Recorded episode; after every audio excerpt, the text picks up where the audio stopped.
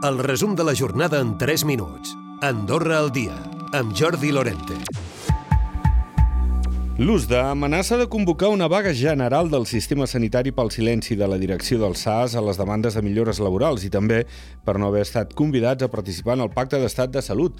Gabriel Ubach és el secretari general. Ens assentem a parlar seriosament dels problemes que tenim avui en dia a l'hospital i solucions, però no solucions per d'aquí 15 dies o d'aquí 3 mesos, solucions ja o comencem a parlar tranquil·lament de quins són els serveis mínims que hem d'aplicar amb una vaga general de l'hospital indefinida. El que no podem continuar és d'aquesta manera. De fet, des del sindicat també es plantegen la dimissió en bloc del comitè d'empresa del SAS.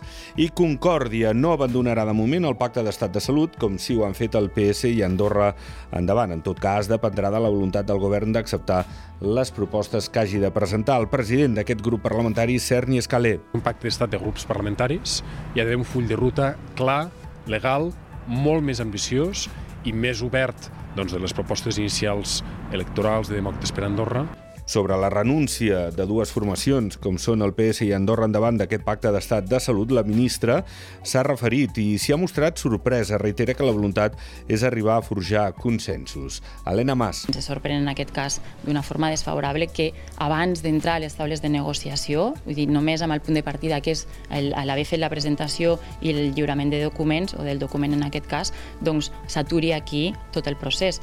Quan ara penso que començàvem, que indagàvem aquest procés de comunicació, d'intercanvi, de consens, tots plegats. La presidenta del grup parlamentari d'Andorra Endavant, Karim Montaner, assegura que és víctima d'un assetjament polític. La Fiscalia li demana dos anys de presó i dos d'inhabilitació com a consellera general per revelació de secrets. La raó és una querella presentada per Ferran Costa perquè la política va revelar el seu salari públic quan era president del grup parlamentari liberal. Això és assetjament polític.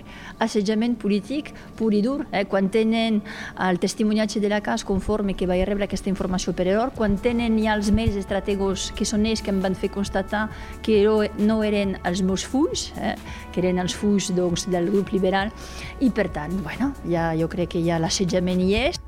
La setmana vinent, el cap de govern es trobarà amb el president del govern espanyol, Pedro Sánchez, a Madrid.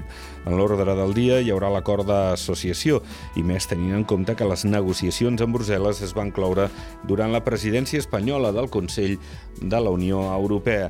I els pagesos catalans plantegen fer talls que afectarien la frontera andorrana. Seria el dimarts i dimecres que ve, els dies 27 i 28. Les primeres previsions preveuen un tall alternant el pas dels vehicles d'entrada i de sortida s'acabarà de concretar aquest divendres, on també s'ha de decidir quina serà la implicació dels pagesos d'Occitània, que per la seva banda també preparen accions per al cap de setmana, mentre les mobilitzacions dels pagesos i ramaders espanyols s'ha traslladat aquest dimecres a la capital d'Espanya, a Madrid.